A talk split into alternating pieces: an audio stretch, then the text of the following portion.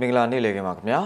မြစီမရဲ့ဒီဇင်ဘာလ24ရက်နေ့လည်12နာရီအထိနောက်ဆုံးရသတင်းတွေကိုတင်ဆက်ပေးပါရမယ်ကျွန်တော်ကျော်စရာမြင့်ပါ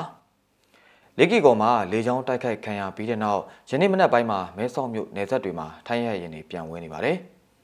ချောင်းတုံမြို့နယ်ကမိုင်တဲတာဝါတိုင်ကိုရက်ခဒီပအဖွဲ့ကမိုင်းခွဲဖျက်ဆီးလိုက်ပါတယ်မြိတ်ထဝဲလမ်းမပေါ်မှာတော့ခီးတဲ့တင်ကားတွေနဲ့ကုန်တင်ကားတွေကိုစစ်တပ်ကပြစ်ခတ်တာကြောင့်ကုန်တင်ကားဆရာတိတ်ဆုံးခဲ့ရပါတယ်။ အစရှိတဲ့သတင်းတွေနဲ့အတူဒီနေ့နေ့လယ်12နာရီအထိနောက်ဆုံးရသတင်းတွေကိုတင်ဆက်ပေးပါလို့မယ်ခင်ဗျာလီဂီကုံမှာလေကြောင်းတိုက်ခိုက်ခံရပြီးတဲ့နောက်ယနေ့မနက်မဲဆောက်မြို့နယ်စပ်တွေမှာထိုင်းဟက်ရင်တွေပြန်ဝဲနေပါတယ်ကရင်ပြည်နယ်မြဝတီမြို့နယ်လေးကျော်ဒေသကိုမနေ့ကညပိုင်းမှာစစ်ကောင်စီကလေကြောင်းတိုက်ခိုက်မှုတွေပြုလုပ်ခဲ့ပြီးတဲ့နောက်ဒီကနေ့မနက်9:00နာရီလောက်မှာထိုင်းစစ်တပ်ပိုင်းရဟတ်ရင်6စီးဟာထိုင်းနိုင်ငံမဲဆောက်မြို့နယ်စပ်တွေမှာလှည့်လည်ပြန်ဝဲခဲ့တယ်လို့တန်လင်ပရက်စ်ရဲ့သတင်းတပုတ်မှာဖော်ပြထားပါတယ်။ ဒီနေ့မှာလည်းလေကီကောဒေတာမှာရှိတဲ့စစ်ကောင်စီအမြောက်ကုန်းကနေလက်နက်ကြီးတွေနဲ့ပစ်ခတ်နေတာရှိတယ်လို့လည်းဒေတာကန်တွေကပြောပါတယ်။ကရင်ပြည်နယ်မြဝတီမြို့တောင်ဘက်မှာရှိတဲ့လေကီကောဒေတာကိုဒီဇင်ဘာလ23ရက်နေ့ညအချိန်ကအာနာသိန်းစစ်ကောင်စီတပ်ကလေကြောင်းကတိုက်ခိုက်ခဲ့တာကြောင့်ဖလူးနဲ့မင်းလက်ပံဒေတာကန်အများပြားညာတွင်ချင်းတောင်ရင်မြစ်ကိုကူးဖြတ်ကာထိုင်းနိုင်ငံဘက်ကိုထွက်ပြေးတိမ်းရှောင်ခဲ့ကြရတယ်လို့ဒေတာတွင်သတင်းရင်းမြစ်တွေကပြောပါတယ်။ ဒီဇင်ဘာလ23ရက်နေ့ည10:00နာရီခွဲဝန်းကျင်မှာလေကီကောဒေတာကိုတိုက်လေရင်နဲ့အ ਨੇ ဆုံး3ချိန်ခန့်ဘုံကျဲတိုက်ခိုက်ခဲ့တဲ့အပြင်လက်နက်ကြီးတွေနဲ့လည်းပစ်ခတ်တိုက်ခိုက်ခဲ့တယ်လို့သတင်းရင်းမြစ်တွေကပြောဆိုပါတယ်။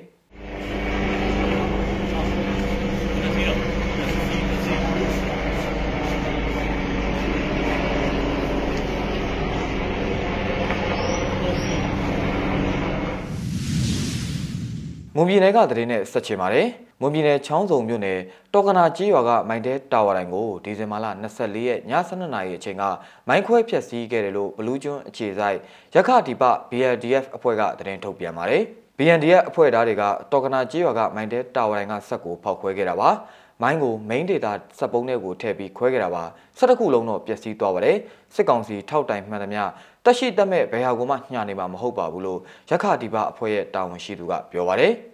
ရခဒီပ BLD ရဲ့အဖွဲ့အနေနဲ့ယခုလိုမိုင်းတဲတာဝါတိုင်ကိုဖျက်ဆီးတာဟာဒီဇင်ဘာလအတွင်းဒုတိယအကြိမ်ဖြစ်ပြီးဒီဇင်ဘာလ9ရက်နေ့ကလည်းချောင်းစုံမြို့နယ်ဒေါင်းရက်အရှိကျေးရွာကမိုင်းတဲတာဝါတိုင်ကိုမိရှို့ဖျက်ဆီးခဲ့ပါသေးတယ်။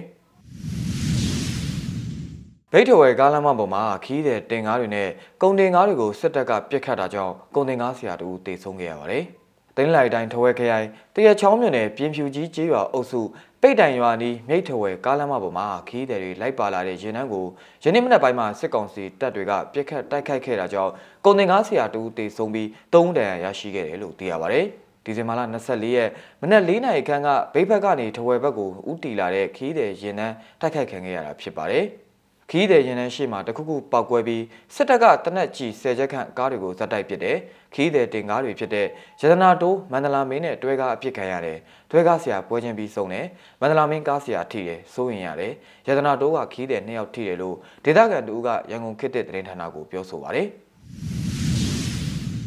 အီရတ်နိုင်ငံမှာ BC 200စုကတိစောက်ခဲ့တဲ့ရေဟတ်တွေကို UNESCO ရဲ့အမွေအနှစ်အစည်းအဝေးမှာထည့်သွင်းတဲ့နိုင်ငံတကာသတင်းကိုလည်းရှုစားရအောင်ပါ။ အီရတ်နိုင်ငံအမ်ဘာစီရင်စုတွေကဟာဒီတာနဲ့ဟိမြို့တွေကိုဖျက်ဆီးစီးဆင်းနေတဲ့ယူဖရီဒစ်မြစ်ကြီးပေါ်ကတစ်သားနဲ့တိဆောက်ထားတဲ့ရေဟက်ကြီးတွေကို UNESCO အဖွဲ့ကြီးကညာနာဆိုင်ရာယဉ်ကျေးမှုအမွေအနှစ်စင်းမှာထည့်သွင်းပေးလိုက်ပြီးဖြစ်ပါတယ်။အီရတ်နိုင်ငံအနောက်ပိုင်းယူဖရီဒစ်မြစ်ညာပိုင်းကန်နဖူးမြို့ဖြစ်တဲ့ဟိမြို့ကဒေသခေါ်နိုရီယာလို့ခေါ်တဲ့အဆိုပါသမိုင်းဝင်ရေရဟက်ကြီးတွေမွမ်းမံထိန်းသိမ်းရေးကိုအီရတ်အစိုးရကပြီးခဲ့တဲ့ AB လကစပြီး၃လတာလှုပ်ဆောင်ခဲ့တာဖြစ်ပါတယ်။၎ င်းရေဟက်ကြီးတွေဟာရေသွင်းစိုက်ပျိုးရေးကဏ္ဍမှာရာစုနှစ်ပေါင်းများစွာအရေးပါတဲ့ကဏ္ဍကနေပါဝင်အသုံးတော်ခံခဲ့ပါတယ်။နိုရီယာဆောဟာမာလို့နာမည်ကျော်တဲ့ဆီးရီးယားနိုင်ငံဟာမာမြို့ကရေရဟက်ကြီးတွေကို UNESCO အဖွဲ့ကြီးရဲ့အမွေအနှစ်စည်းမှာ1996ခုနှစ်ကတည်းကပနာမအတိမတ်ပြုခဲ့တာဖြစ်ပါတယ်။ ရေအားနဲ့ပြန်လဲလဲပတ်တာသို့မဟုတ်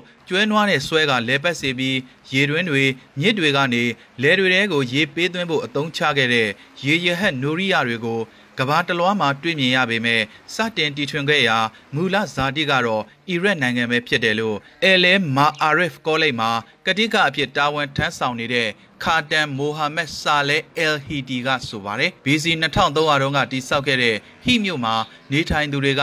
ရေရဟက်ရဲ့ရှေ့ပြေးပုံစံတွေကိုစတင်တီထွင်ခဲ့တာဖြစ်တယ်လို့ဟိမြို့နဲ့၎င်းရဲ့ရေရဟက်သမိုင်းကိုတိုးချဲ့သူတေသနပြုလုပ်ခဲ့တဲ့ကတိကဟီတီက El Monitor သတင်းဌာနကိုပြောကြားခဲ့ပါတယ်။ယနေ့အသုံးပြုနေကြတဲ့ရေရဟတ်တွေနဲ့ဆင်တူတဲ့ရေခတ်ဘိန်းတွေကို Euphrates မြစ်ကမ်းတစ်လျှောက်မှာ BC 200ခုနှစ်ကတီထွင်ခဲ့တာဖြစ်ကြောင်းလေ့လာသိရှိရတယ်လို့သူကဆိုပါတယ်။မြစည်းမရဲ့ဒီဇင်ဘာလ24ရက်နေ့လယ်12နာရီထိနောက်ဆုံးရသတင်းတွေကိုတင်ဆက်ပေးခဲ့တာပါမြန်မာပြည်သူပြည်သားပေါင်းဘေးရန်ရဲ့မျိုးမျိုးကနေကင်းဝေးကြပါစေခင်ဗျာ